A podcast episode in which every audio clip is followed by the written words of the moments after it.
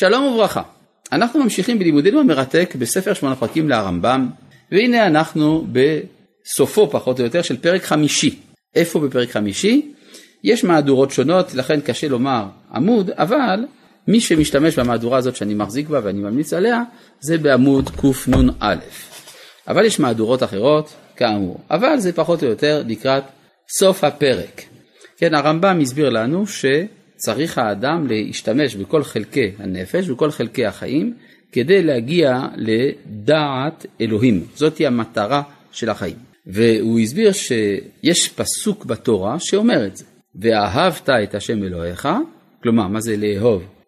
זה לדעת, יפה, כן? לאהוב זה לדעת, כמו שכתוב והאדם ידע את חווה אשתו, אם כן זה מדובר על אהבה שהיא בעצמה דעת ודעת שהיא אהבה, כן ואהבת את השם אלוהיך, איך?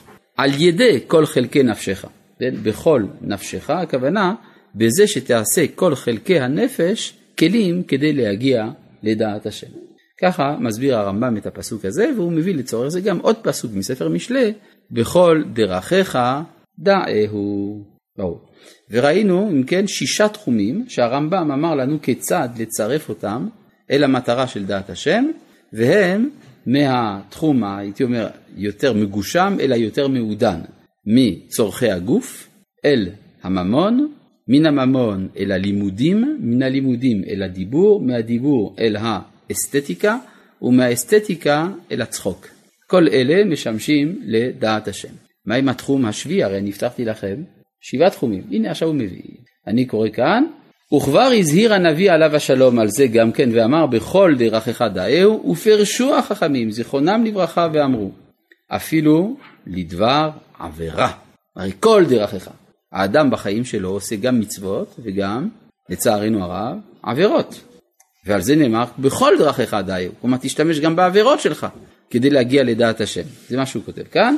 ורצונם לומר שתשים לפועל ההוא תכלית והיא האמת, כלומר ידיעת האמת, אף על פי שיש בו עבירה מצד אחד.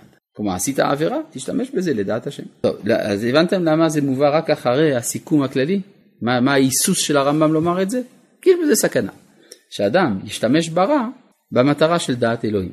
כן? יש איזה בעיה בזה, וישתמשו ברעיון הזה במשך הדורות כל מיני אנשים מבולבלים בעם ישראל וגם באומות העולם. כן, בין היתר שבתאי צבי והפרנקיסטים, הם בהחלט אה, אמרו שצריך לעשות הרבה עבירות, כי זה חלק מן העבודה. כיצד? אה, הם אמרו, יש אה, רעיון על פי הקבלה אמנם, אבל הבסיס גם בתורת הנגלה, יש בכל דבר אור השם שנמצא שם. הקדוש ברוך הוא מחיה את הכל, אז הוא גם מחיה את העבירות, הוא מחיה גם את הקליפות. יש מה שנקרא שם ניצוצות של קדושה. ואת הניצוצות האלה צריך לגאול מן הקליפה. ואי אפשר לגאול אותם אלא אם כן נכנסים לתוך העבירה ולכן הצדיק צריך לעשות עבירות בכוונה לשם שמיים כדי להוציא משם את הניצוצות ובזה הגאולה יכולה להיות שלמה כל זמן שזה לא נעשה אין גאולה ולכן שבתאי צבי שם ראשי אמריקה הוא החליט לעשות עבירות חמורות באריות בין היתר כדי להוציא משם את ניצוצות הקודש הגנוזים שם. כן? זה, זה הייתה בעצם השיטה וזה בעצם הרחבה בלתי לגיטימית של המושג של עבירה לשמה. ונשאלת השאלה למה באמת זה לא נכון, כן? הרי לכאורה אם ריבונו של עולם נמצא בכל, אז היה אפשר להגיד אדרבה צריך באמת לשם שמיים ללכת אל העבירה כדי להוציא משם את הקודש שמצוי בה, נכון? שאלה טובה. הרי שבתאי צבי לא היה, עם כל זה שהוא היה משוגע, הוא לא היה טיפש. ולכן נשאלת השאלה, איך אנחנו משיבים על הטענה הזאת, אם אתה מונותאיסטי אמיתי. הרי המונותאיסט הוא מוכרח לראות את אור השם בכל ממש. שימו לב שדיונים כאלה עולים מתוך דברי הרמב"ם, שהוא מחכמי הנגלה, על כל פנים לא מתורת הקבלה בוודאי. אף על פי כן הרעיון הזה עולה. כן, כי הוא גם נמצא בהלכה. גדולה, ההלכה אומרת גדולה עבירה לשמה ממצווה שלא לשמה. אז יש צדים לפעמים של עבירה לשמה. ועבירה לשמה, טוב, צריך בשביל זה שיקול דעת, אבל לפעמים זה קיים. למשל, מצאנו את זה אצל אסתר, מלכתנו עם אחשוורוש, ויעל עם סיסרא, אם כן מצאנו מושג של עבירה לשמה, הלכה למעשה גם. אז צריך לברר את זה. התשובה היא שיש הבחנה בין האדם לבין הקדוש ברוך הוא, אם לא שמעתם על זה. כן? באמת, האדם הוא לא אלוהים, ואלוהים הוא לא אדם. דבר שלפעמים שוכחים אותו, יש כמה ששכחו את זה, את ההבחנה הזאת, אבל היא הבחנה אמיתית. וזה אומר שכאשר הקדוש ברוך הוא משתמש בעבירות שנעשות בעולם, הוא משתמש בזה לשם שמיים, אפשר לומר, לשם עצמו. לעומת זה, כאשר אדם עושה עבירה, גם אם הוא מתכוון לשם שמיים, לא ייתכן, מאחר והוא אדם, שהוא לא יערב בזה מולקולה של כוונה אישית. מאחר והוא מערב מולקולה של כוונה אישית, זה כבר לא לשם שמיים, ולכן זה רע. נביא לכם דוגמה פשוטה לדבר הזה. היה מלך בשם ירובעם, כן, ירובעם בן נבט. ירובעם בן נבט קיבל אה, הוראה מאחד מגדולי הנביאים, ושמו אחיה, אחיה השילוני, אמר לו בשם השם לחלק את הממלכה לשניים, לקרוע את שבטי הצפון משבט יהודה. אחרי מות שלמה, כשרחבעם בן שלמה ביקש למלוך בשכם, אז uh, עשו לו שם בעיות, הוא ברח משם. בקיצור, ירובעם תפס את השלטון על שבטי הצפון, ואז הייתה התפלגות של הממלכה. שאלה פשוטה, האם ההתפלגות הזאת הייתה עבירה או לא הייתה עבירה? ודאי שלא הייתה עבירה, זה היה אפילו קיום מצווה. הנביא ציווה לעשות את זה. כלומר, כך שאי אפשר לבוא בטענות אל שבטי הצפון שהם התקבצו לממלכה נפרדת, זה היה דבר השם. אבל ירובעם עשה משהו בנוסף לכך, הוא גם הקים פולחן אלטרנטיבי לעבודת המקדש בירושלים. הוא הקים שני עגלים, אחד בבית אל ואחד בדן, ושם עם ישראל היה הולך ועובד. כן, וזה נקרא חטאת ירובעם, שעל זה נאמר שאין לו חלק לעולם הבא, כי כל החוטא ומחתי את הרבים, אין לו חלק לעולם הבא. שאלת השאלה, מה ירובעם היה טיפש? למה הוא עשה את זה? האם יש, אם הייתי שואל אני את ירובעם, מה ההסבר שלך למה שאתה עושה? הוא היה עונה דברים משכנעים מאוד. מה הוא היה אומר? הוא אומר, תראה, הנביא, אתה מסכים איתי שהנביא אמר לפלג את הממלכה? ברור שאם מרכז הפולחן ממשיך להיות ירושלים הבירה של הממלכה הדרומית, אני מאבד את המלכות. כי אנשים יראו במקדש בירושלים את רחבעם, מלך יהודה, והם יתפייסו איתו ויהרגו אותי. וזה יהיה בניגוד לכוונה של אחיה השילוני, המוסר את דבר השם. לכן אני מחויב, זה דבר שמתבקש שאני אעשה פולחן אלטרנטיבי. ומאחר ונצטוויתי על ידי הקדוש ברוך הוא להפריד את הממלכה. נכון? אז למה זה לא בסדר? לא בסדר כי הוא עשה את זה מתוך כוונה אישית של כבודו האישי, ולכן הוא גם עשה את זה לא נכון, תוך כדי כמה עבירות על ההלכה המפורשת שיש בדבר הזה. אבל לו יצויר היה שירובעם היה מסוגל לעשות את זה לשם שמיים לחלוטין. זה היה בסדר או לא? לכאורה כן. אבל מאחר וירובעם הוא אדם ולא אלוהים, לא ייתכן שיעשה דבר כזה לחלוטין לשם שמיים, ולכן זו עבירה.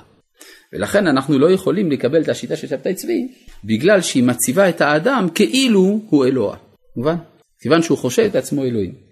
מה שאין כן, אה, אם, אם אנחנו מסתכלים על זה בבחינת בדיעבד, אם כבר נעשתה העבירה בוא נשתמש בה, זה כבר סיפור אחר לגמרי. וזה מה שאומר כאן הרמב"ם, שפרשו החכמים זיכרונם לברכה ואמרו אפילו לדבר עבירה, ורצונם לומר שתשים לפועל ההוא תכלית והיא האמת, אף על פי שיש בו עבירה מצד אחד.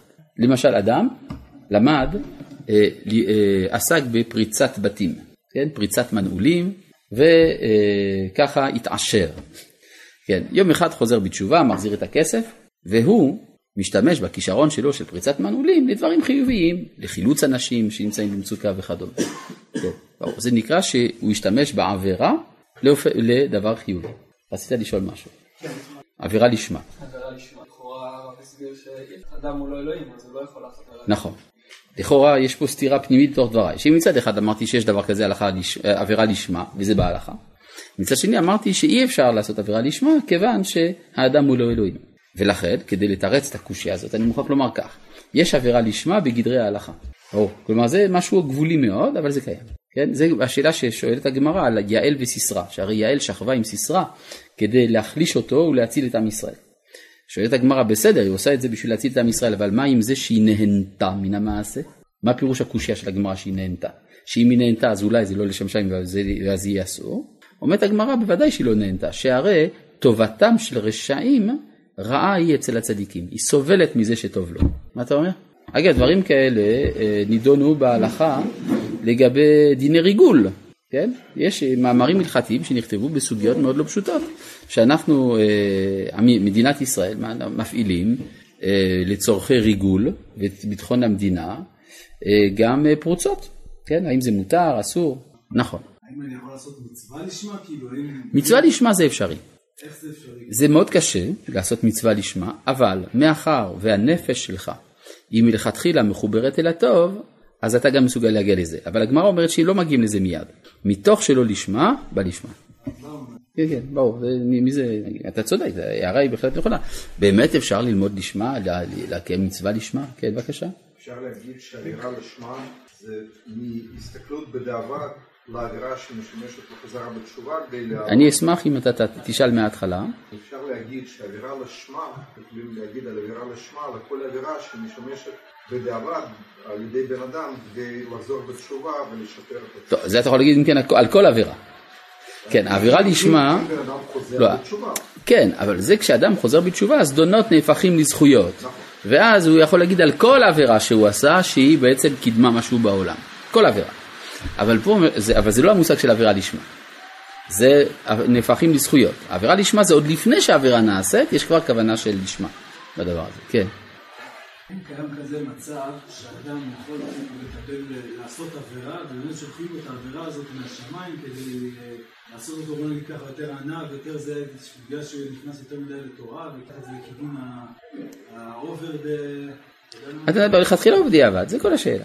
כלומר, האם האדם יעשה את העבירה דווקא כדי אה, להתמלא בענווה, לראות שגם הוא נכשל? אז ודאי שלא. אם אתה אומר, אחרי שהאדם התמלא בגאווה ורואים שהוא נכשל, אז אומרים, אה, אתה רואה, אין לך כל כך הרבה מה להתגאות. אבל הוא זה, בדיע... זה בדיעבד או לכתחילה? אני שואל אותך. לא, אז אני מדבר אחרי זה, הוא... אה, בדיעבד, בדיעבד הכל אפשרי. רגע, אתה מדבר בדיעבד, כן או לא? בדיעבד הכל אפשרי. כן, בבקשה. ראינו שזה הולך לאט לאט עם הצרכים היותר דקים ויותר דקים של הנפש. נכון. השביעי הוא העבירה, זה אומר שאני כאן מחפש מהו רצון השם. לדעת מה רצון השם זה דבר נסתר מאוד. יש ב- בראשית רבה שאלה מעניינת על הפסוק ויבדל אלוהים בין האור ובין החושך. אז המדרש אומר כך, אור אלו מעשיהם של צדיקים, חושך אלו מעשיהם של רשעים. ועדיין איני יודע, זה דברי המדרש מה שאני אומר, ועדיין איני יודע איזה מהם עדיף, כשהוא אומר וירא אלוהים את האור כי טוב, יודע אני שמעשה צדיקים עדיפים. דברי המדרש האלה פשוט אין הדעת סובלתם, מה זאת אומרת אני יודע איזה מהם עדיף? ברור שמעשה צדיקים הוא עדיף על מעשה רשעים. אז מה הייתה הווה אמינא בכלל? הווה אמינא היא שאדם שקורא בתורה, למה הוא קורא בתורה? כדי לדעת רצון השם. והוא רואה שהשם הבדיל בין האור ובין החושך ולא ביטל את החושך מפני האור. סימן שהקדוש ברוך הוא רוצה שיהיה חושך בעולם. אם כן הוא רוצה שיהיו מעשי רשעים, אז אולי, אדרבה, כדי לעשות רצון השם, עליי גם לעשות מעשי רשעים וגם מעשי צדיקים, כי בזה אני מגלה את רצונו, ואיני יודע מה עדיף. אולי יש עדיפות לגלות את השם בטוב, או לגלות איך הטוב יוצא מן הרע. כן, הרי קידוש השם שבא מחילול השם זה יותר גדול. אז זה המקום למחשבה שאדרבה, שנעשה את הרע. ולכן צריך כאן בירור, בירור שלכתחילה לא בדיעבד כן, וזה בעצם מחקר בעומק הכוונה האלוהית. לכן זה יותר עדין מכל הנושאים שנאמרו עד עכשיו. כן, בבקשה. אני לא טועה זה בא בקשר ישיר עם חטא שלמה. אם אני לא טועה זה מתקשר ישירות לחטא שלמה.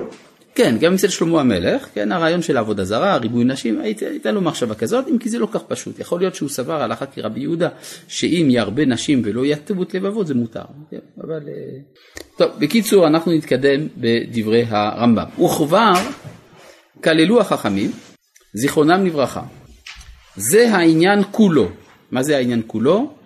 כל הפרק, כן? לא רק העניין של העבירה, אלא כל מה שאמרנו בפרק הזה, שהמטרה היא לדעת את השם, ושכל המעשים שאדם עושה יכולים להיות מכוונים לדבר הזה. כל העניין, זה העניין כולו בקצרה, במילות מועטות, מורות על זה העניין הוראה שלמה מאוד. עד כשאתה תבחן המילות, איך סיפרו זה העניין הגדול והעצום כולו אשר חיברו בו חיבורים ולא השלימו, תדע שנאמר בכוח אלוהים בלא ספק. כלומר, יש ספר שלם, בעצם שני ספרים שכתב אריסטו, של אתיקה, והוא לא הצליח, למרות שהספרים האלה הם יחסית ארוכים, הוא לא הצליח להגיד את המשפט הפשוט שחכמים אמרו בחמש מילים. אז מכאן אתה רואה שאצל החכמים יש כוח אלוהי בלא ספק, זה מין רוח הקודש. והוא אומרם בצוואותיהם, וכל מעשיך יהיו לשם שמיים. כמה מילים? חמש. בחמש מילים סיכמו את כל האתיקה, ואפילו הגיעו למסקנה שאריסטו לא הצליח להגיע אליה. כל מעשיך יהיו לשם שמיים. מה פירוש לשם שמיים לפי הרמב"ם? לדעת את השם. היה אפשר להסביר את זה קצת אחרת, כן? כדי ששם שמיים יתקדש בעולם, יתגלה בעולם. זה הרמב"ם לשם שמיים כדי שאתה תגיע לשמיים. וזהו העניין אשר ביארנוהו בזה הפרק. וזה שיעור, מה שראינו ראוי לזוכרו הנה, לפי זאת ההקדמה. עד כאן אומר הרמב"ם, נסתיים הפרק החמישי. מאחר וסיימנו את הפרק החמישי, אנחנו יכולים לעבור לפרק השישי, אבל עלינו בכל זאת להבין שכאן אנחנו הגענו לנקודה מאוד קריטית בספר. יש בספר שמונה פרקים שני חלקים. החלק הראשון זה מן ההקדמה עד סוף פרק חמישי, איפה שאנחנו נמצאים. החלק השני זה פרקים שישי, שביעי, שמיני. מה ההבדל בין שני, שני החלקים? החלק הראשון מהווה מקשה אחת.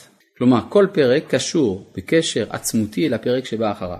מה שאין כן, פרקים שישי, שביעי, שמיני, דנים בסוגיות נספחות למה שעסקנו בו עד עכשיו, אבל זה סוגיות, הייתי אומר, לא הכרחיות. זאת אומרת, גם אם לא נדון בהם, הבסיס של מסכת אבות כבר בידינו. מהו הבסיס של מסכת אבות? תורת המוסר, ואיך זה בנוי.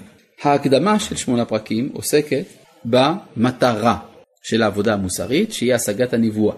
פרק א', ב', ג', הם פרקים העוסקים בדברים שאם אני לא אדע אותם, העבודה המוסרית היא בלתי אפשרית.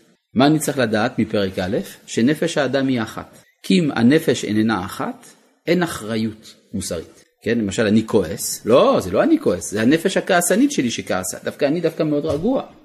לכן צריך להצביע על אחדות הנפש. מה שכתוב בפרק שני, הוא שיש בנפש חירות. אם אני לא בן חורין, אין מקום לעבודה המוסרית. הרי אם אני מוכרח במעשיי, אז מה אתה בא אליי בטענות, או מה אתה משבח אותי על מעשים טובים שעשיתי, כיוון שממילא לא הייתה לי ברירה. לכן מוכרחים לברר את החירות של הנפש. זה הנושא של פרק שני. אני צריך גם הגדרה של הטוב והרע. שאני אדע מה, מהו הטוב ומהו הרע, למי אני צריך לפנות כדי לברר ספקות בנושא הזה, וזה הנושא של פרק שלישי. אם אין לי קריטריון לטוב ולרע, גם כן עבודת המוסר בלתי אפשרית. אם כן, בשביל זה יש פרקים א', ב' וג'. פרק ד' הוא... כן, בבקשה. אם פספסתי, אבל לגבי נפש אחת, לפי מה שאני יודע, גם אם היא אחת, היא כאילו מתחלקת לשניים, לפי מה שאני מבין. נכון, נכון. זה באמת הנושא של הפרק הראשון, ולכן מן הראוי ומן הכדאי ללמוד את, אה, את, אה, את השיעורים על פרק א', אה, שהוקלטו ברוך השם, ולכן יש אפשרות להוציא אותם מן הארכיון. כן, נכון, נכון, בהחלט, השאלה בהחלט במקומה. אה, ויש בזה איזושהי הבחנה לכאורה בין תורת הרמב"ם לבין תורת החסידות, אם כי זה לא הבחנה מוחלטת, דיברנו על זה גם כן. ופרק רביעי הוא הפרק שמלמד אותי את הפרקטיקה. פרקטיקה, כלומר אני צריך לדעת איך מתקנים את המידות.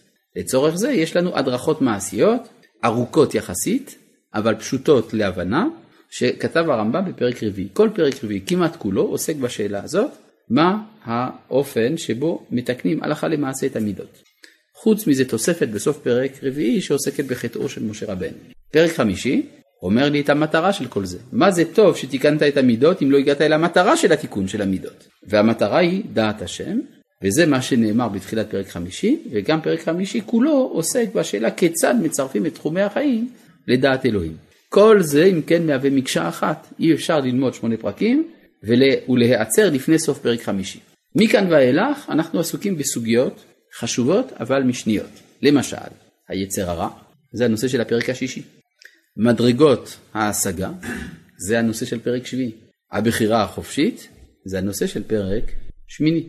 ברור. לכן אנחנו זקוקים לשלושת הדברים האלה גם כן, כדי שנוכל להשלים את העבודה המוסרית. אבל גם אם האדם, או חס וחלילה לא ילמד, או תהיה לו דעה אחרת מהרמב"ם בנושאים האלה, עדיין העבודה המוסרית היא אפשרית, בזכות כל מה שלמדנו עד סוף פרק חמישי. ובזאת רבותיי היקרים אנחנו עוברים לפרק השישי של ספר שמונה פרקים. לא משנה באיזה עמוד זה, כי בכל המהדורות פרק שישי יש שם כותרת פרק שישי. הפרק השישי עוסק בסוגיה מאוד מאוד רצינית והיא יצר הרע. מה זה היצר הרע? יש מספר הגדרות ליצר הרע, ודיברנו על זה קצת בפרק רביעי. אבל הייתי אומר שבאופן פשוט, היצר הרע זה הגורם המפריע. אני רוצה לעשות טוב, יצר הרע אומר לי שאני רוצה לעשות רע. הרי יצר הרע מי זה? זה אני, לא? אני היצר הרע. כן, יש לפעמים אמירות כאלה שהיצר הרע הוא חיצוני לאדם. אומרים אה, על אבא אחד שאומר לבנו, בני, אתה גרוע יותר מהיצר הרע. אה כן? למה אבא? כי היצר הרע לפחות עושה מה שהקדוש ברוך הוא אמר לו לעשות. אתה גם את זה לא עושה. אומר הבן, אבל אבא, לא, אין יצר הרע. ליצר הרע, אין יצר הרע, שאומר לו לא לעשות מה שהשם אמר לו לעשות. כן, כלומר, אתם מבינים, התסבוכת הזאת באה מפני הזיהוי של היצר הרע כגורם חיצוני לאדם. הרב קוק דן בזה בספר אורות הקודש חלק ג' בשאלה מהי האסטרטגיה הנכונה של ההסתכלות על הכוחות הרעים שבאדם.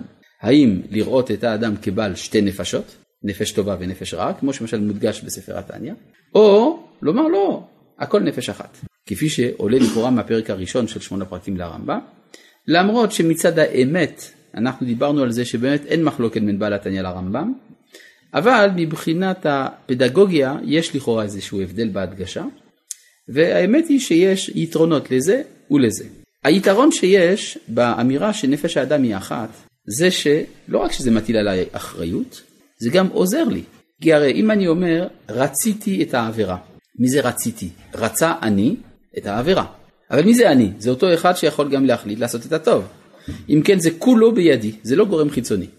כן, הרבה פעמים אומרים, יש ביטוי בספרות הרומנטית הצרפתית, זה חזק ממני. מכירים את זה? ביטוי כזה, נכון? זה, מה אתה רוצה? זה חזק ממני. לא, זה חזק ממני. זה אני, זה לא מישהו אחר.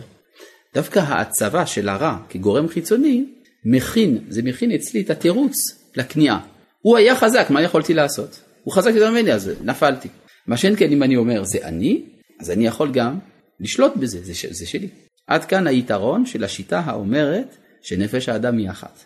יש גם יתרון לשיטה ההופכית. אומר הרב קוק באורות הקודש, אדרבה, הנפש הרעה היא חיצונית לי, אז אני אראה לה מה זה. הוא אויב, נגד האויב נלחמים. לעומת זה, אם אני אומר שנפש האדם היא אחת, מה אני אעשה? אני אלחם נגד עצמי?